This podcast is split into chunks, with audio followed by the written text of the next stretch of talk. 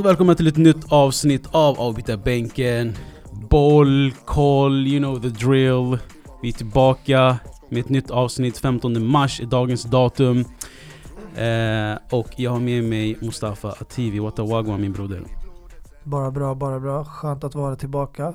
Eh, Mm. Man har saknat den här känslan du vet. Eh, Det känns som att man har varit borta länge. Det är som när man tränar du vet. Är man borta ett par dagar, det känns som några veckor.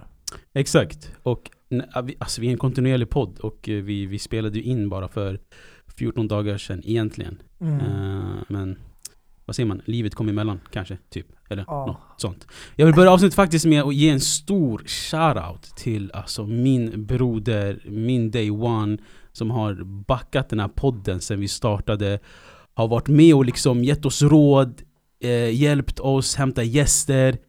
Eh, och faktiskt har vi en gäst på gång nästa vecka, tack vare den här kompisen som jag ska nämna nu.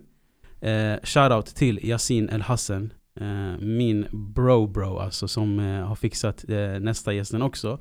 Och har fixat några gäster innan också. Alltså han är en sån här, alltså han, han skäms inte. Alltså han går direkt pang på och frågar när, när, han- när han träffar på fotbolls fotbollsmänniskor. Han, han nämnde att han såg eh, Henrik Strömblad någon gång, jag kommer inte ihåg vart. Så han ringde mig, bror ska jag gå fram och fråga han eller? Mm. Ska, ska, ska. Och sen så såg han Henok Goitom också i Mal och Scandinavia för någon vecka sedan. Eh, han bara bror, Henok här, ska jag fråga honom eller?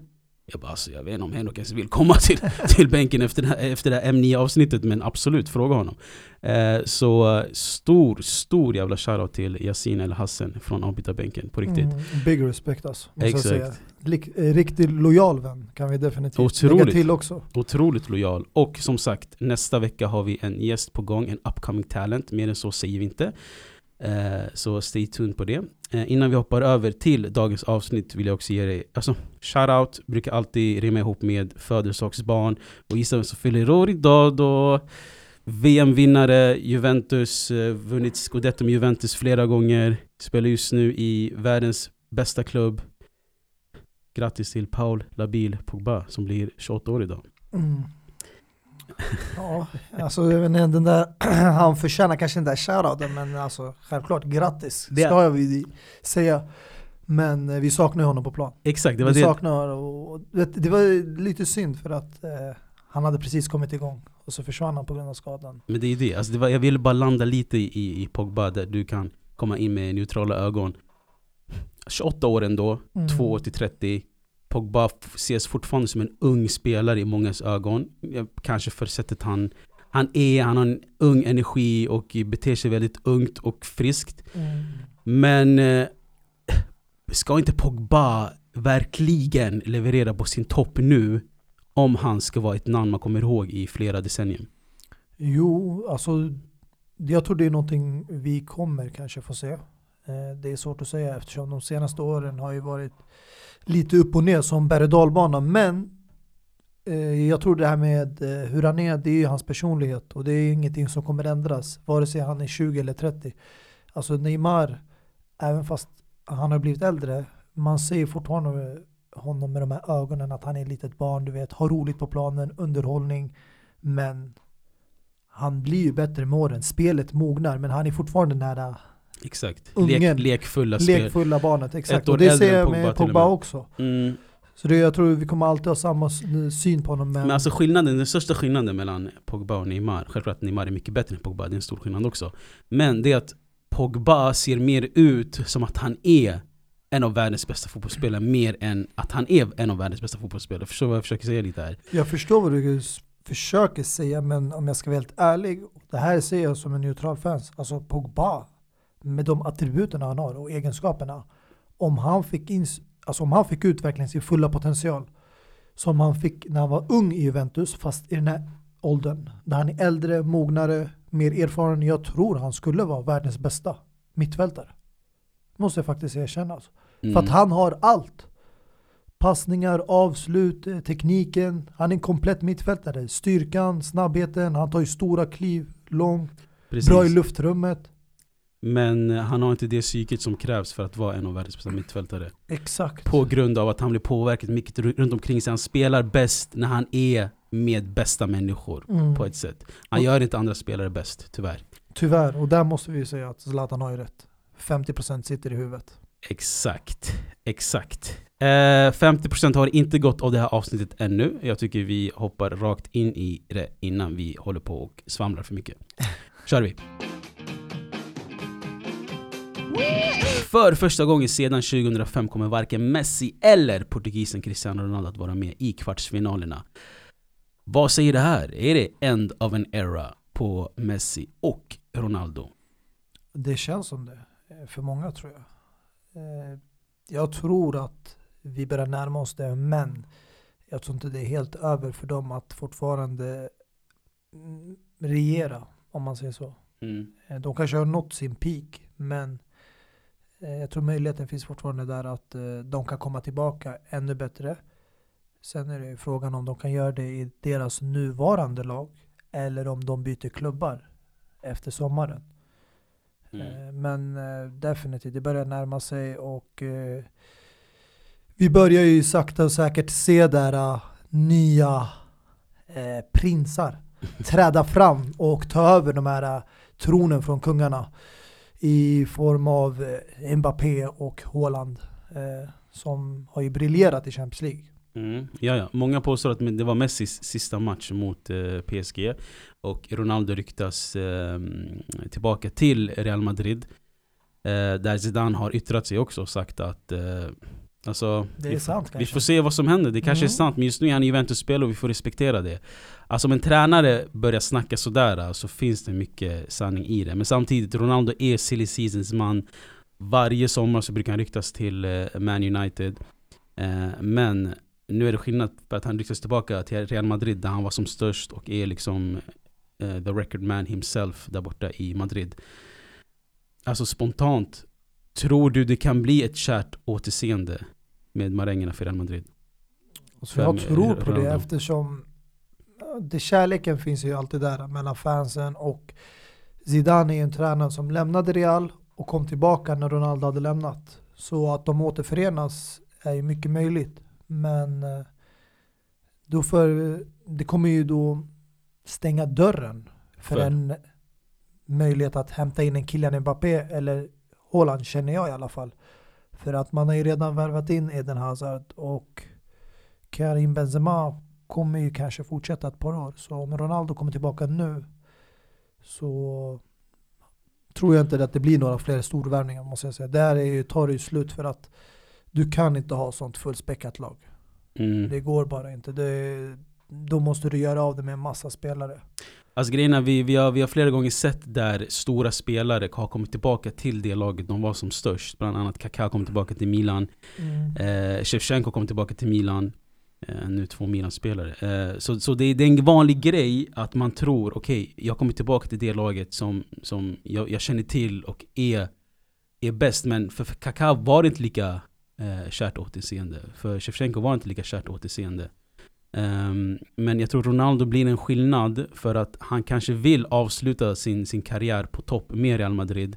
För jag kan inte se Ronaldo vara en spelare som, som kommer spela tills han är avdankad heller. Där han kan eh, känna, okej okay, men jag kan gå till USA eller Kina och kamma hem mina sista pengar. Det behöver han inte göra. Nej. Men alltså um, faktum är också att uh, Ronaldo är fortfarande en målmaskin. Mm. Så om han gör en comeback han kommer inte bara för att eh, liksom stå på sidan om och erbjuda laget en mer mental styrka. Utan han kommer ju finnas där eh, med på plan från startelvan. Mm. Spela förmodligen 90 minuter och bidra med kanske den bästa kvaliteten på planen. Men skillnaden är ju att eh, han får ju spela med helt andra spelare. Och låt oss inte liksom dölja det, men eh, Real Madrid i mitt anseende kanske har, om inte den bästa mittfältet i hela världen i Modric, Toni Kroos och Casemiro, den trion.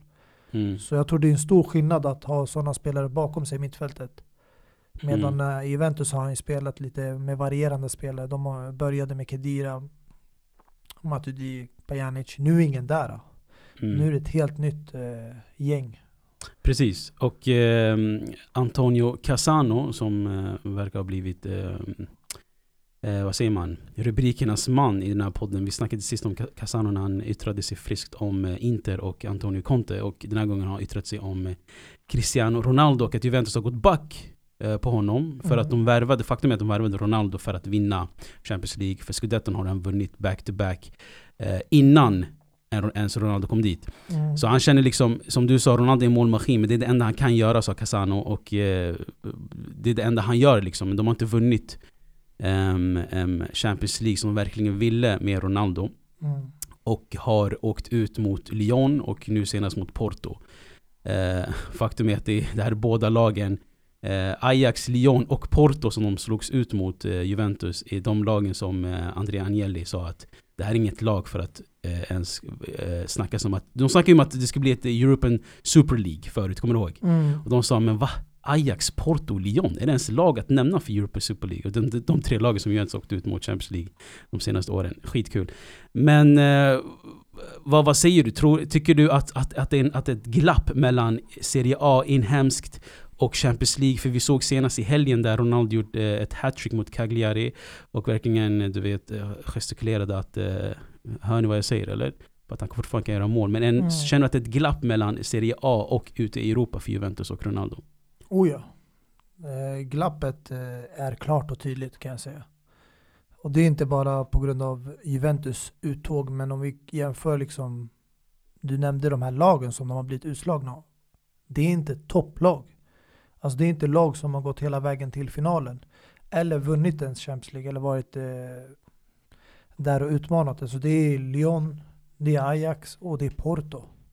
Det här är inga lag som man förväntar sig ska göra det motståndet. Man förväntar liksom att Juventus ska bara köra över dem och gå vidare till nästa runda. Så att de har åkt på de här förlusterna, det är en alltså det är nära skandal skulle jag säga.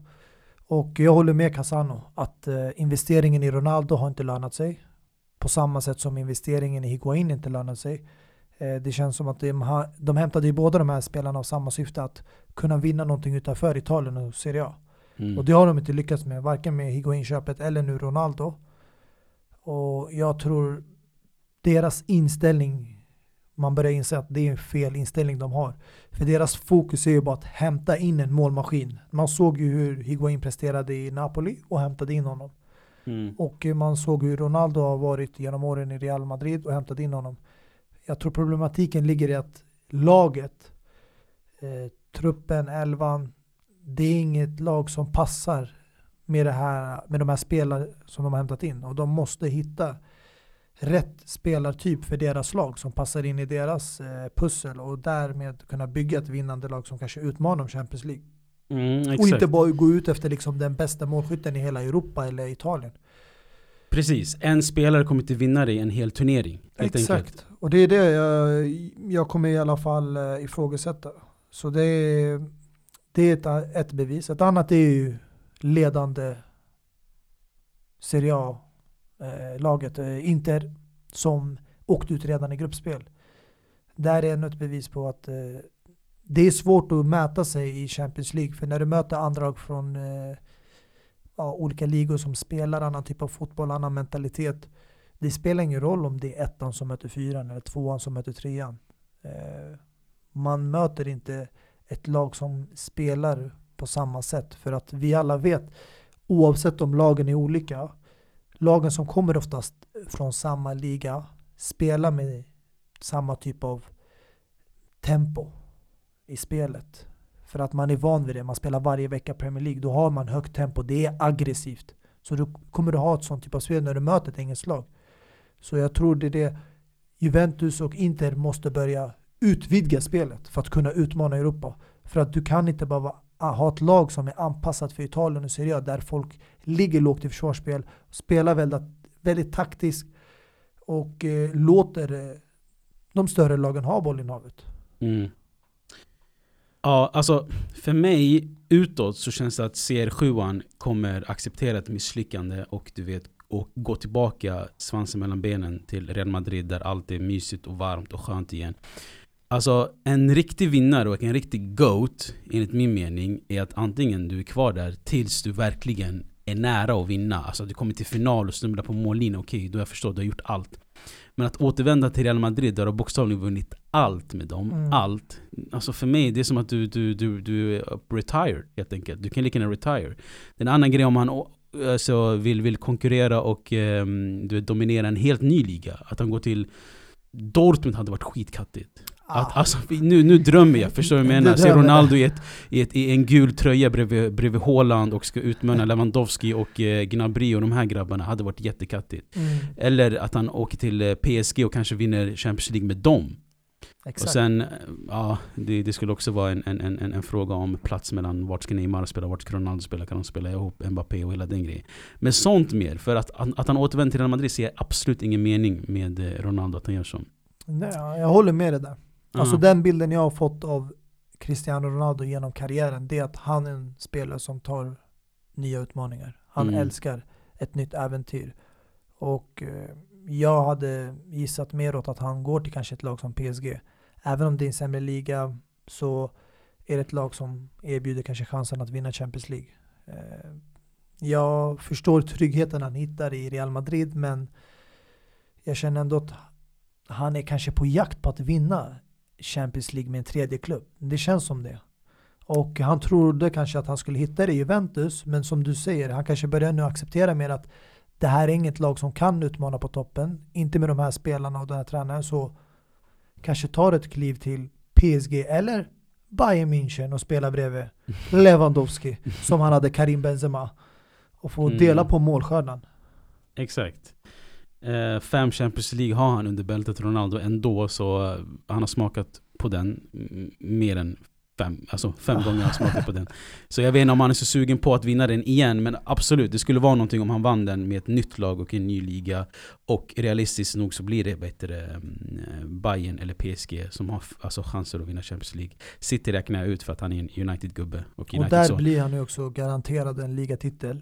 Så där kommer han då ha kammat hem ligatitlar i fyra olika länder. Mm. Alltså det som hade varit nice var att bli utlånad halva säsongen till eh, eh, Utlånad, man ska låna ut. Cristiano. Ja, jag vet. Nu, nu drömmer jag än en gång. vi, får se, eh, vi får se hur det Vi blir med lånar ut honom om ni tar hela hans lön. Ja, exakt. Det är det. Men det är därför han har sky high lön också som Real Madrid håller på och, och tänker ut. Alltså vi, vi kan inte betala ut hela hans lön om Mm. han kommer tillbaka. Men vi får se vart den här sagan slutar. Eh, andra hälften av eh, spelarna som inte spelar i, i, i Champions League på sen 2005 är ju Lionel Messi. Ja. Och Lionel Messis lag FC Barcelona fick en ny gammal president igen, eh, Juan Laporta. Och han var ju president under åren 2003 och 2010 och fick 54% av rösterna i eh, valet. Eh, det här är väl ett val som många Barca-fans gläds av, för Laporta gjorde eh, jättefina grejer under sin tid under Barcelona och jag tror många hoppas på att han kan eh, eh, göra en repris på det. Eh, vad tror du? Tror du det är en ny tändning för Barcelona? Och tror du att Messi, att det här kan vara en avgörande grej för att Messi, att han stannar i Barcelona? Alltså jag tror det kommer vara en ny, en ny era för Barcelona eftersom de är i en annan sits. då. Det är en helt annan eh, omständighet som de inte har varit i tidigare med ekonomin och hela den biten. Men Laporte är ju en tränare som vi vet skapade en fin historia med Barca. President. Har, ja, president, Mm. förlåt där. Men han kan absolut kanske gå in som om, Ja. om, om Koman tröttnar. Men han har ju också väldigt bra relation till eh, de här legendariska spelarna som har lämnat genom åren. Piol, Iniesta, Xavi. Och vi vet ju att det har ryktats mycket tidigare om att Xavi ska ta över i framtiden som tränare. Så att han har kommit in och som president, jag tror majoriteten, om inte alla Barcelona-fans gläds åt den idén. Och det finns fortfarande hopp nu för dem att Messi kanske stannar och förlänger. För Mm. att eh, Laporte arbetar på ett annat sätt och eh, kan få det här skeppet kanske hålla sig kvar innan de drunknar allihopa. Precis. Så jag tror det finns lösningar där. Det har ju ryktats redan om att de ska hämta in Alaba och Sergio Aguero, free transfer. Eh, och eh, det kan vara, alltså även om det är åldrande spelare, vi ska inte glömma bort att det här är kvalitetsspelare. Mm. De skulle gå in rakt eh, i startelvan i dagens Barcelona. Precis, alltså det som talar för eh, Laporta är ju att han är en president som värvar som pusselbitar. Han ser sitt lag som en, som en stort pussel och Mm. är ute efter att matcha de här pusselbitarna som saknas. Kontra eh, den förra presidenten som värvade jätteoklokt. Värvade efter stornamn, värvade efter eh, eh, eh, eh, kommersiellt, värvade väldigt mycket kommersiellt. Alltså om vi ska ta några exempel som Laporta har gjort eh, för värvningar i sin förra session. Eh, Deco bland annat, Eto'o, eh, Dani Alves, Gerard Piqué och självklart Ronaldinho Gaucho. Mm. Så det här är fem spelare som har varit essentiella för Barcelona i, i hans session förut. Och med de här spelarna har han vunnit eh, titlar och Champions League. Eh, så, och sen, vi snackade också om nygammalt när Ronaldo, om, om Ronaldo ska återvända till Real Madrid. Men det här kan också appliceras där också.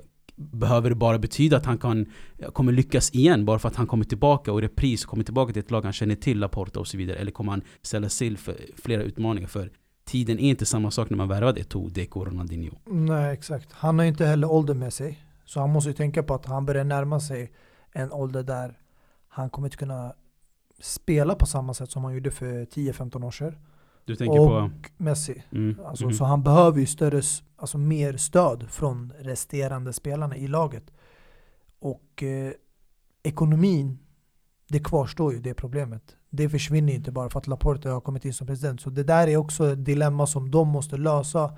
För att om han vill bygga upp ett nytt lag på sitt sätt och behöver liksom rätt pusselbitar, då behöver han också resurser för det. Och det är ju frågan, har de resurser? Har de råd att handla och agera på det sättet som Laporte vill? Mm. För vi vet ju att eh, även de här spelarna som du nämnde genom åren, nu är marknaden annorlunda. Nu får du liksom öppna plånboken om du ska hämta in någon spelare av kvalitet. Och mycket på grund av corona också. Ja, så det kommer det, se det är också ut. något som har drabbat klubbarna och det är därför de har blivit eh, ja, inte bankrupta, men de har ju hamnat i en väldigt knipig situation. De skulle mm. ju ha blivit bankrupta om inte det vore för det där uh, Pjanic-Arthur-dealen. där de, eh, där de tvättade pengar. Tvättade pengar en dag innan datumet för redovisningen, eh, bokföringen där. Så fick de in pengar för Arthur och köpte Pjanic en, två dagar senare efter bokföringen slutfört. Mm. så det är, det är ett smart sätt att handla på men det där problemet kvarstår så jag är fortfarande nyfiken på hur Laporte ska lösa det där. Och jag kan inte sluta tänka på the reunion between Messi and Guardiola. Alltså den är fast i mitt huvud den där tanken. För att jag tänker på Agüeros situation, att de inte har förlängt och han kommer lämna och nummer 10 kommer bli ledigt. Jag kan inte tänka mig se, alltså den enda spelaren jag skulle kunna tänka mig se ta nummer 10 det är Kevin De Bruyne. I det laget. Jag skulle inte kunna se liksom Mahrez eller Sterling hoppa in i det, den rollen. Men därför känns det som att jag lockas av den här tanken att Messi kommer komma till City för att också testa på ett nytt äventyr, en ny utmaning i livet som han aldrig gjort tidigare. Han har spelat i Spanien hela karriären. Nu får han komma mm. till England, spela under Guardiola, den tränare han älskade mest och såg upp till. Och han vet vilken typ av filosofi han eh, utför och kräver från sina spelare. Jo, alltså jag tror det handlar mer om, en, om, om att en siffra kommer bli ledig till City. Alltså det, det, det, största som talar för att Messi kan lämna Barcelona och till City är att de åkte ut i Champions League mm. redan i, i, i åttondelsfinalen. Mm eh, mot PSG. Och bara där är, är, är liksom Messis saga egentligen slut i Barcelona enligt mig. Och många eh, journalister talar också för att det här var Messis sista match i, ute i Europa med Barcelona. Men det som talar för att Messi kan stanna kvar i Barcelona är om Erik Brandt Haaland värvas i Barcelona. alltså kan du fatta att Messi kan spela bakom Haaland som en tia och bara, alltså Haaland kommer gå på alla bollar som Messi lägger. Jo men det är som jag eh. sa, ekonomin, det problemet kvarstår. Mm. Och det är, jag kan inte se dem lösa det dilemmat på ett halvår. Att de måste ju liksom få ut massa spelare som sitter på hög lön. Som Messi, som det blev offentligt. Och vi vet, vi vet ju också att den som sitter på den näst bästa lönen är ju Griezmann. Mm. Och i det skicket Griezmann är nu, inget lag vill faktiskt ha honom. Har du hört, har hört om grejen med att de, de vill värva Dybala? Eh, ja, jag hörde där om ett Barca, byte. Det, det, för, det, har ju också ryktats om till exempel att de skulle göra ett byte mellan Griezmann och Lautaro Martinez eller Griezmann och eh, Dybala. Så de har ju lockats av de idén. Och sen kanske för att de kan erbjuda mindre lön än vad Griezmann har.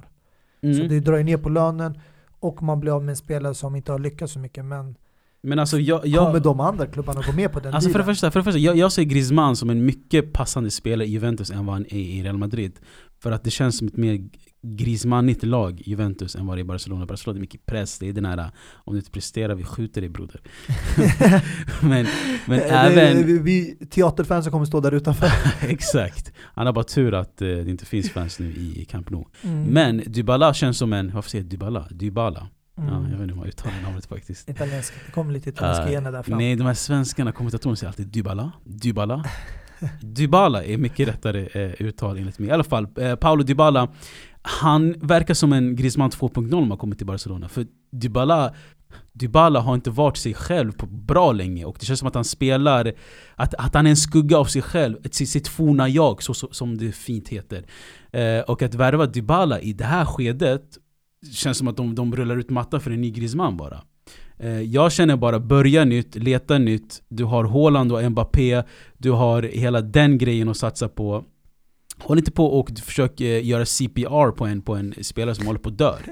Eh, som Paolo Dybala håller på att göra just nu.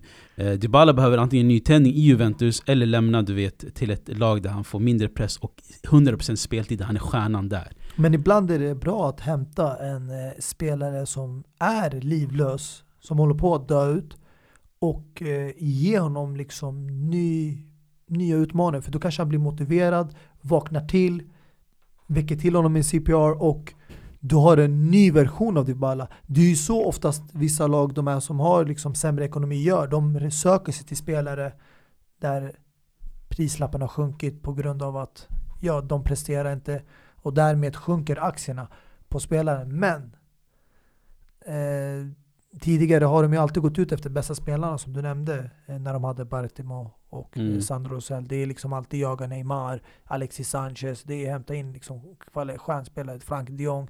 Nu är det framtidsspelare, Ungmen, Griezmann och de här. Du måste ibland hitta de här spelarna som kanske inte kostar så mycket, inte är så eftertraktade, men kan vara den rätta pusselbiten. Och jag tycker att det Barcelona söker och saknar just nu är ju en Suarez 2.0. Mm, exakt. Ja, alltså och så, det kan jag se Agüero. mm, Den speltypen kan jag se som Agüero, alltså Suarez 2.0. Känner Messi, gudfadern till sin lilla son. Men då snackar du om att Messi ska lämna Barcelona. Det, det, det är motsatta Nej, väg. men Aldrig det, att de det, spelar det är tillsammans. scenariot och tanken på att de, han stannar kvar. Men alltså, nej, alltså Agüero och Messi har vi sett tillsammans i Argentina. De uträttar ingenting Jo men tillsammans. Barcelona är ett helt annat lag. Alltså, de är för lika varandra. Det är, för, det, det är två mini, mini, Sen kanske mini players. kommer, eh, man vet ju inte, sen kanske det kommer in en David Alaba där i mittfältet. Ja, i som för mittfältet. Österrike. uh, bara så sjunkit ner till Österrikes nivå att de behöver Ja, har ju redan slash Jordi som mittfältare. Eller så kanske du sätter David Alaba som mittback i Bayern München. Ja, det är mer Eh, troligt. Men eh, det är mycket spekulationer. Jag tror Mm. däremot det lutar sig åt Messi lämnar. Vet du, vet du vart jag kan se Dybala? Där han får verkligen liv och verkligen eh, igång sitt spel igen och kan passa perfekt. Jag hoppas inte du nämner ett lag i England. Jo, faktiskt. Nej. Och gissa vilket lag jag vill nämna? Liverpool alltså. Lägg det, jag visste Jo. det. Ja, alltså nu efter Liverpools, eh, det, det, jag vet inte vad jag ska säga vad som har hänt med Liverpool. Jag är, Mm. jag är chockad, jag måste säga det. Men det påminner mig om när man nämnde om Chelsea när de rasade efter Antonio Conte att man körde slut på spelarna. Att de har spelat med så mycket alltså energitempo, tränat eh, konstant, eh, korta semester. Och eh, det har varit liksom, de varvar. Att till slut att nu har batterierna tagit slut. Mm. Och eh, jag tycker inte att man kan skylla ifrån sig att man ligger på den positionen på grund av en spelare. För Mm. en spelare kan inte vara så viktig för ett lag att man sjunker ner fem platser i tabellen. Ja. Så Dybala i Liverpool. Varför inte? Nej, alltså jag, ser, ju- alltså jag, ser han, jag ser han som en falsk nia, jag ser han som en eh, eh, vilande anfallare. Jag ser han eh, som eh, Firminos ersättare. Och, och Liverpool, varför det har gått dåligt för dem är ju, alltså det, det är ganska alltså självklart. Det, det, det är skador, upon skador, upon skador. Eh, så, Jo men den största anledningen det är Van Dijk. mm, det det, var den- där det började. Det är den folk pikar mot alltid. De nämner ju inte att Henderson är lite halvskadad eller att eh, Fabinho har varit skadad. Utan det namnet som alltid kommer upp i folks tankar, det är Van Dijk. Mm. Och ingen annan. Precis. En oersättlig spelare såklart att han ska nämnas hela tiden. Men jag tänkte på, eh, exakt, kul att vi kom in i Liverpool ändå. Eh, och eh, hur, det, hur det går för dem och hur det inte går för dem. Vad säger du där? Om Jürgen Klopps... Alltså, Alltså Jörgen Klopp har ju vunnit fansens förtroende, ägarnas förtroende. Så jag tror inte också med tanke på hur Liverpool, ägaren och styrelsen driver den här klubben så ser man ju att man har mycket tålamod. Man är inte sån som sparkar en tränare efter några enstaka resultat eller en dålig säsong. För att det tog ju honom fyra år att vinna sin första titel, Champions League, och fem år för en första ligatitel.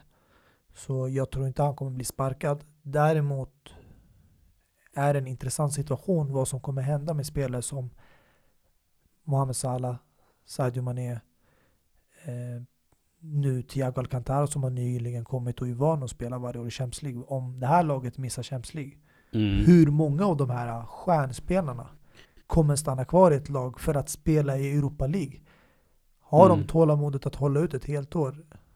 det, är en, det är en jätteintressant och jätte, jätteaktuell diskussion egentligen. Alltså, Även Jürgen Klopp, mannen själv, har ryktats till att ta över Bayern München, rivallaget i Dortmund, för att göra dem till de maskinerna som han gjorde med Dortmund och Liverpool.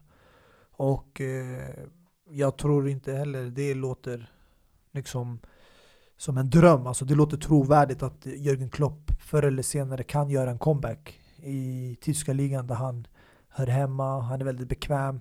Eller kanske till och med tar över tyska landslaget. För att eh, Löw Alltså- har ju redan gått ut och sagt att det här blir sista mästerskapet. Eh, det var ju egentligen menat att han skulle fortsätta till VM mm, precis. 2022, men nu blir det här sista mästerskapet med Löw. Mm, exakt. Det är också en alltså, jätteintressant utgångsläge för Jürgen Klopp. Alltså, jag kan se han ta över Juventus också. Egentligen. Eh, Mm. I Serie A där han kan, alltså jag vet inte, jag kan föreställa mig att Jürgen Klopp kan drifta eh, laget i Turin. Eller det tyska landslaget också. Men tyska, alltså när tränare bör, börjar ta över ett landslag, det, det, det är samma parallell som man kan dra när en spelare åker ut till Kina eller åker ut till USA.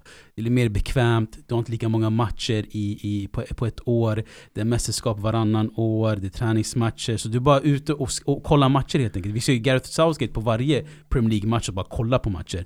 Så jag vet inte om Jürgen Klopp är där att du vet settle down än. Men det är det alltså jag tror jag tror inte han kanske vill ställa där, men jag tror han behöver en paus som Antonio Conte tog när han eh, började i landslag i Italien och sen kom tillbaka till klubblag, till Chelsea och nu Inter. För att han har varit hetsig på sidlinjen. Alltså hans blodtryck är väldigt högt kan jag säga. Eh, vi brukar att blodådrarna kommer ut liksom där då och då och eh, ja, jag tror Jürgen Klopp kanske behöver en liten paus från det här eh, intensiva varje vecka, helg, ligaspel. Men Jag, jag, jag, Kanske till jag tycker landslagsuppehåll han har han trappat kan... ner på sin intensivitet. Jag- Vi kommer ihåg Dortmund, matchen mot Napoli, och han skrek på fjärde domaren när han fick göra ett byte och det blev mål. Vi alla kommer ihåg den, vi alla har den på näthinnan hur, hur, hur han blissnar med ögonen så att nära att ploppa ut nästan. Så alltså, om, om man tar det som ett peak när hans intensitet var, så har han ändå dalat nu när han fixar sina tänder, han ler hela tiden, eh, han skrattar mot eh, eh, i, i, i, i mixade zonerna. Eh, Men jag håller med dig att, om att i, i, alltså, paus kan han behöva, men inte än alltså. Vad, vad har han uträttat? En, en ligatitel och en Champions League? Pff, va? Zidane vann ju tre Champions Alltså League nu, på raken. nu, nu tar du ifrån honom att han har ju också vunnit eh, två ligatitlar med Dortmund. Fast ingen Champions League. Mm. Det enda Antonio Conte vann innan han hoppade över till landslaget i Italien var ju tre ligatitlar med Juventus. Mm, mm, mm, mm. Och där, även där man kände man liksom han behövde ju lugna ner sig, men även där fick vi se liksom en Conte sparka till en vattenflaska i Italien mot Spanien. När muren inte ställde sig ordentligt. Alltså jag, vet inte, Så- alltså jag, jag kan tycka det är farligt för en tränare att, att, att ta ett eh, sabbatsår. Vi har sett nu Allegri, han har ju försvunnit helt. Det var bara han ska bara ta ett sabbatsår, han ska bara chilla i USA lite. Men nu, alla har glömt bort honom. Vem är ens Allegri? Är han ens aktuell? Kan han ens träna han ett är lag igen? aktuell och jag lovar dig och garanterar dig att han sitter där i skuggan och nosar på ett jobb. Han har bara väntat in att Rätta läget eller? Ole Gunnar Solskär ska få sparken eller att Zidane kanske ska lämna Ju- Real Madrid och gå ta över Juventus som folk har snackat om. En eh, reunion där coacha en klubb där han har spelat i. Och så fort en möjlighet dyker upp för Allegri, han är där. Han kommer kliva in med framfötterna. Och jag tror inte någon klubb heller kommer liksom tacka nej. Jag tror med öppna armar man tar emot en tränare som Allegri. Eh, så det, det, det, sen beror det på vad man har för mål som klubb? Söker man en sån typ av tränare med den Alltså jag menar bara att alltså, de riktiga tränarna, quote on quote, riktiga tränare börjar få konkurrens av spelarna som har blivit tränare nu. Steven Gerrard har börjat yttra sig jättemycket om att han, han har på ryktas till, eh, till Liverpool. Och så sa liksom nej, Jörgen Klopp är där. Ni vet inte hur mycket Jörgen Klopp betyder för oss Liverpool-fans. Men i framtiden absolut, det är ett drömjobb för mig att coacha Liverpool. Så jag menar, det är farligt för tränare att ta en paus. Alltså det är många fräscha eh, ex-spelare som vill ta över rodret. Vi, och vi ser, vi ser hur snabbt det går. Mikael Arteta är redan tränare för Arsenal. Eh, Steven Gerrard har vunnit titeln med Rangers i, i, i Skottland. På tal om Steven Gerrard, måste bara påpeka där att han slog ju rekord. Eh, han säkrade ligatiteln med inga förluster. Mm. Eh, jag tror det var fyra oavgjorda matcher och resten hade han vunnit. Mm. Och eh, de hade släppt in endast nio mål tror jag under hela säsongen hittills. Mm. Och det här är första gången Rangers vinner ligan på över tio år. Exakt. Eh, så det är ett mm. otroligt arbete han har gjort där mm. som han förtjänar eh, cred för och applåd. Och om han vill fortsätta och ta över en toppklubb så tror jag att det kan vara rätt tidpunkt nu ja, jag säger ge han några år till kanske mellanland i en annan klubb. På tal om det, en annan tränare som eh, eh, vann en titel utan några förluster i Arsenal Wenger. Och det går faktiskt ett program i Bein Sports idag, 15 mars, ja exakt. Där han ska snacka om eh, eh sin säsong också, som jag verkligen ska tuna men på tal om förluster, förluster gick ju PSG, eh, förlorade mot eh, Nantes i helgen. Och förlust gick andra spelare utanför planen också för PSG. Eh, bland annat blev Di Maria och Marquinhos eh, mugged. Vad heter det på svenska? Rånade. Eh, Rånade, inbrott i, i, hemmet. Exakt, inbrott i hemmen. Där till och med Di Maria blev utbytt i andra halvlek för att han skulle ta sig hem där familjen var medan eh, rånarna var där inne. Eh, inga kom till skada där. Men Marquinhos familj blev också hold hostage Fan vad jag glömmer bort svenskan idag. Eh, gisslan, Gisslan, precis. Mm. Och där till och med Marquinhos pappa blev skadad av eh, eh rånarna. Eh, kom det upp uppgifter. Och det, det, det, det har blivit van, en, alltså vanligare och vanligare. Alltså mer vanligt att eh, liksom eh, Att rånarna passar på när spelarna är ute och, och, och jobbar liksom och spelar match. Alltså jag tror inte det är en vana. Om jag skulle gissa på det här Alltså det är ju för det första hemskt och förfärligt det som har hänt. Och jag tycker verkligen synd om spelarna och deras familjer, nära och kära. Däremot får jag en känsla som att det här är en konsekvens av corona. För att många som vi vet har ju blivit av med jobben. Eh, villkoren har blivit sämre. Eh, alla företag och liksom branscher skär ner på kostnaderna. Och det påverkar ju populationen, folket. Och när folk blir av med sånt så blir de giriga. Och vad vänder de sig till då? Jo, till de rika, till de högt uppsatta. Och om du ska sätta en target på någon som du ska råna, om du är i en sån desperat situation. Nu är det ju fel oavsett vilken situation du är i. Men de här människorna, de tänker inte så. De tänker, för dem är det kanske överlevnadssituation. Det vet inte jag. Men du attackerar inte en någon som sitter i politiken. Som har makt. Som har mer kontakter. Utan du går efter de här äh, atleterna. och alla vet att i just Frankrike, i det landet, är det ju PSG som har en oljekech som bara pumpar in pengar. Pumpar in pengar och ger varenda spelare en, äh, ja, en orimlig hög lön. Måste jag säga. Så det är därför jag tror de attackera just de här spelarna som spelar PSG och det är inte spelare i andra lag som blir attackerade och kanske sker inbrott. För de har inte samma löner, de har inte samma eh, ja, resurser där i hemmet som eh, andra lag och spelare har. Ja. Så det är en konsekvens av corona och situationen med ekonomin det är en i intressant, samhället och landet. Det är en intressant eh, synpunkt du lyfter upp måste jag säga ändå. Alltså att det är en konsekvens av corona, det tror jag är mycket möjligt. Eh, och alltså, Marquinhos till exempel, hans, eh, han hade ju massa, tusentals euros hemma Mm. i påsar eller vad det var som, som rånarna hittade och eh, tog med sig. Eh, och, Så vet vad ska man säga? Man kan Jackpot? Eh, alltså egentligen, på tal om jackpot, alltså om vi ska ändå tänka lite utanför boxen. Alltså, he- hemskt som sagt som du sa, Ja. jättehemskt, det vill jag Men, också vem, understryka. alltså, men också det vem du som spelare som har ett ärligt jobb som tjänar vita pengar, vad fan gör du med men det är det jag menar. massa sedlar i påsar Säg euro? till dig brasiliano, Det är favelas, det, förstår du vad jag menar? favelas. Det här låter som en becknare med Ganzo som, som supportar någon klan för att hålla sin familj och släktingar säkra i Brasilien. Mycket möjligt, mycket möjligt alltså. Eh, nej, men Varför vi, inte bara ringa ett samtal till Adriano eller Diego Costa liksom? De Nej, är usch. födda och uppväxta där. Nej, nu låter vi som vita politiker som håller på att dra en kam över de här sydamerikanerna. Absolut inte. Nej, att Marquinhos är, är kriminell. Men det jag försöker säga är absolut jättehemskt, det vill jag också understryka.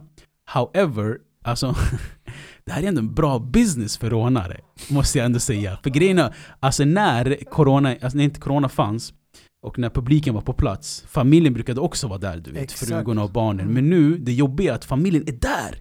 Och träffar på rånarna i vitögat med barnen. Det är fett hemskt! Det är det. Okej, de, de blir inte skadade och så, de, de dör ju inte. Men fortfarande, det är jättehemskt. Alltså, tänk dig att, att folk kommer in i ditt hus, håller på gräver och rånar. Alltså, Man du, känner sig, också... du känner sig så naken. Mm. Jättenaken.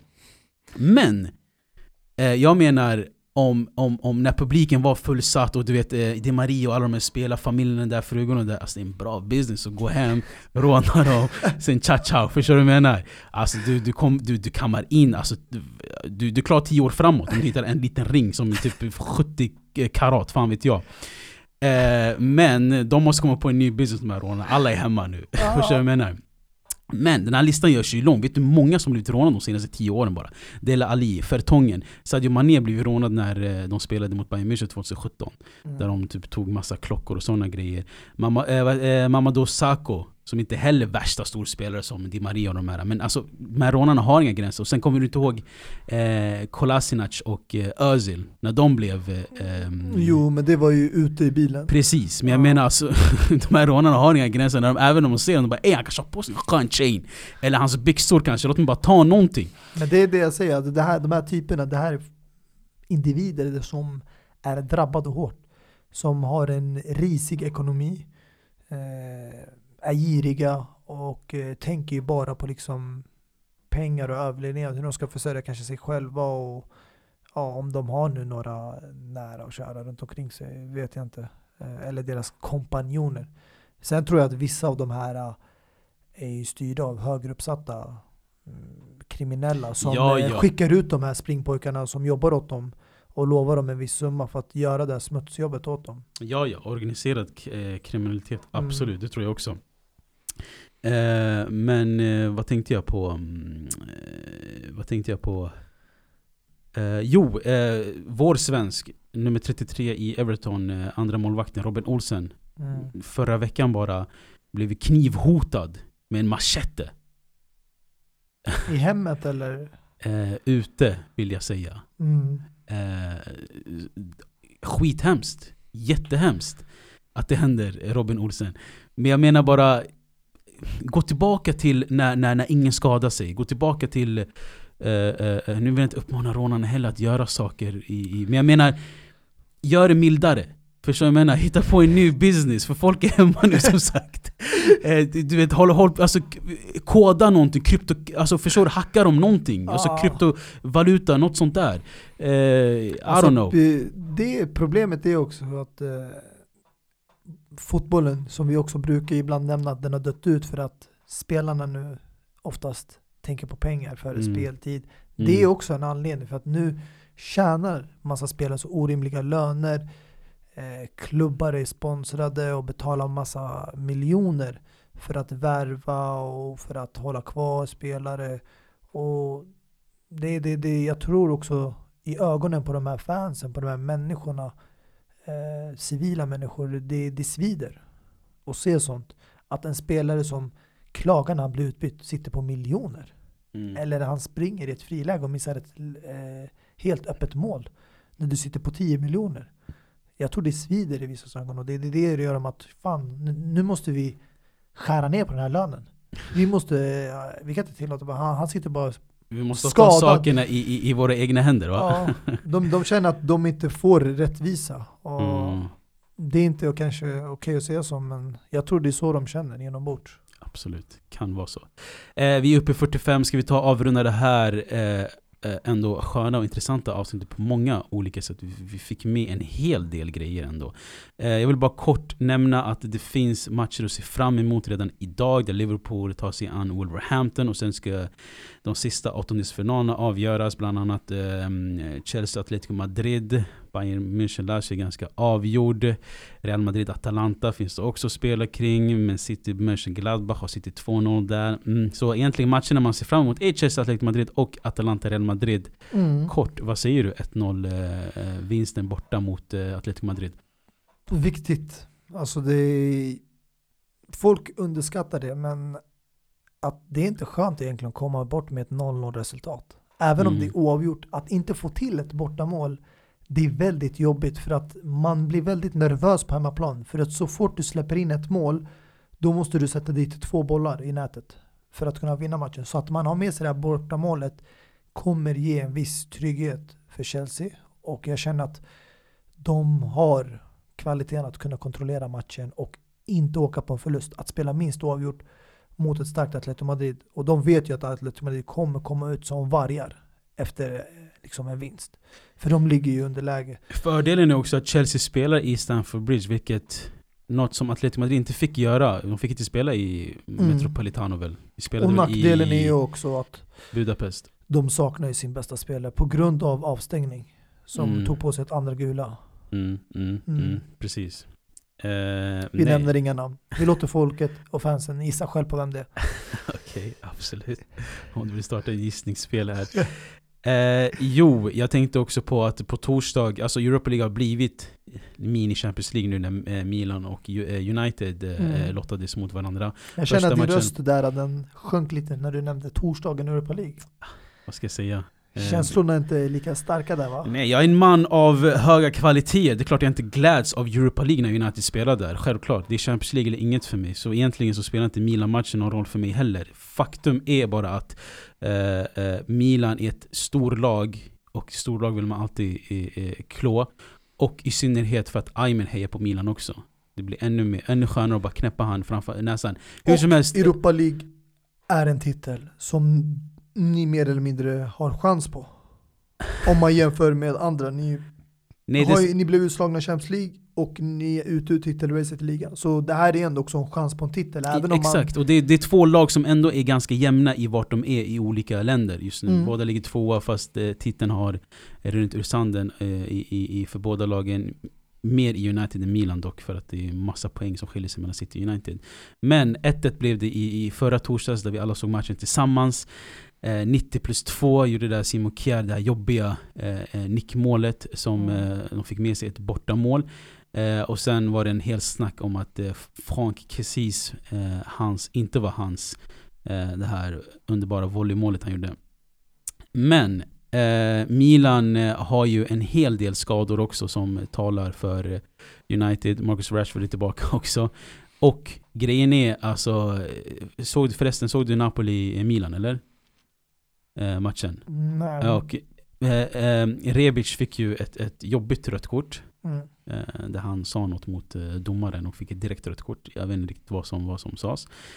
Det där är ju det dummaste man kan göra när skadeläget är så här brett i Milan. När Rebic verkligen behövs. Och inte bara det. Eh, vad heter han? Theo Hernandez uttryckte sig också jättefriskt eh, i sociala medier. Där han, han, han hittade en bild på domaren eh, som dömde eh, matchen mot Napoli, Fabrizio Pasca. Eh, och la upp det på sin story och sen gjorde han tre kräk-emojis.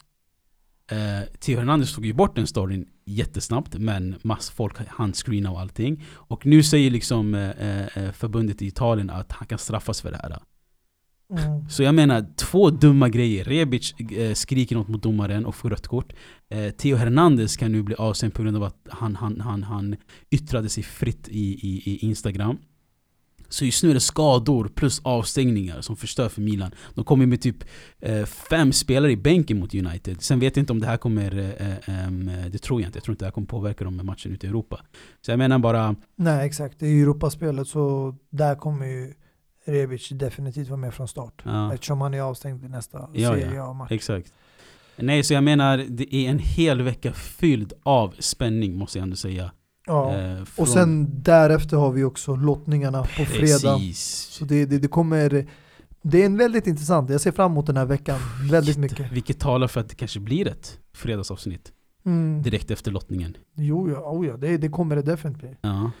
Och eh, inte bara in, the, in this room, but we will always, vi kommer träffas på andra plattformar också. Ah, För att det, det kommer bli väldigt intressant och eh, beroende på nu hur lottningarna går och vilka som kvalar vidare nu efter kommande åttondelsfinalmatcherna mm. så ja, eh, det kommer bli intressant att se. Eh, Som vi nämnde också, ett Champions League utan Cristiano Ronaldo, ja. eh, ett Europa League med lag som Arsenal, Milan, United, Tottenham. Mm.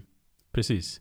Eh, det är mycket. Exakt. Och det är intressant, jag tror många har, vill, ha, ha, ha sitt att säga också om den här lottningen på fredag. Och med det sagt vill jag också välkomna er till eh, Clubhouse-värmen också, till de här rummen som jag ser dig frekvent i. Eh, välkommen! Ja, du fick ett invite av mig tyvärr för att du inte har skaffat en ny lur än. Eh, jag, men eh, du har- roffade åt dig en invite från någon kompis. Nej, eh, summa summarum är ju så att jag har ju beställt en telefon. Eh, den har varit semileveransen. Eh, det är, vilken telefon det är, vi behöver inte gå in på det. Det är i alla fall en Mm. ny modern telefon, men det är en, till, en telefon med äpplet. Förutom äpplet är det ingen Clubhouse. Nej men eh, ja, jag fick faktiskt en oväntad invite eh, av en vän som jag tränar med. Och eh, ja, det var rent spontant där, där det kom upp eh, som samtalsämne och då fick jag det liksom. Det var utan, eh, utan någon överraskning. Så vad, tycker, jag- vad tycker du om Seora? Hittills? Eh, Det kan vara till och från intressant. Det är mycket liksom mycket skoj och roligt där märker jag också eh, för vissa. Eh, en hel del väljer ju att dölja sin identitet, eh, sitt namn, sin bild. Men alla har ju rätt att göra det de vill. Eh, om man vill gå in där med en annan image så får man självklart göra det. Ingen kommer påverkas av det. Men eh, det viktiga är att man ändå, jag tycker, liksom går in och vet vart gränsen finns mellan att lalla ha roligt och trolla runt så att man inte liksom går över den gränsen. För det måste ändå finnas en viss respekt Ja, ja, mot oh ja. andra medlemmar. Speciellt de som går ut med sin riktiga ident- identitet. Mm. Men eh, annars är det en hel del rum som också har intressanta konversationer. Eh, Har du haft några fotbollsdiskussioner då? Ja, jag, jag fick möjligheten att ha det lite grann med några fans från västkusten, Gbg i Göteborg. Fans Shoutout. till eh, avbytarbänken eller? Ja, shoutout to DK Makelele. Nej men eh, det, var, det var intressant faktiskt att höra andras eh, synpunkter Mm. eh, om Mm. vissa... Exakt, ni hör, det är bara en tidsfråga innan vi gör debut i Clubhouse med ett rum där vi snackar om fotboll och allt möjligt. Eh, med de glad, glada tonerna och eh, med de eh, eh, eh, välkomnande till Clubhouse till Mustafa avslutar vi det avsnittet idag. Yes. Vi hörs väl, vågar jag säga, denna veckas innan den är slut. Jag tycker vi säger så och eh, vi ses på bänken på fredag. det gör vi. Ciao. Peace. Yeah. Stör mig inte, de pratar ganska mycket men de rör mig inte. Mer än 10 millar på en lägenhet. Min balkong är nära himlen så jag hör inte. Vad jag gjort för folk är obeskrivligt. Jag brukar undra om det här är vad jag borde blivit. Cesar dog för tidigt, Mano dog för tidigt. Dada dog för tidigt, Chapo dog för tidigt. Tid har gått. Jag gav folk mycket mer än vad jag någonsin fått. Varit där för folk är både vått och torrt. Mannen till och med när brott begåtts yeah. Yeah. Drömutsikt, jag står med kallingar. Fuck dina ord, visa mig handlingar. Dina lögner hade dött i mina sanningar.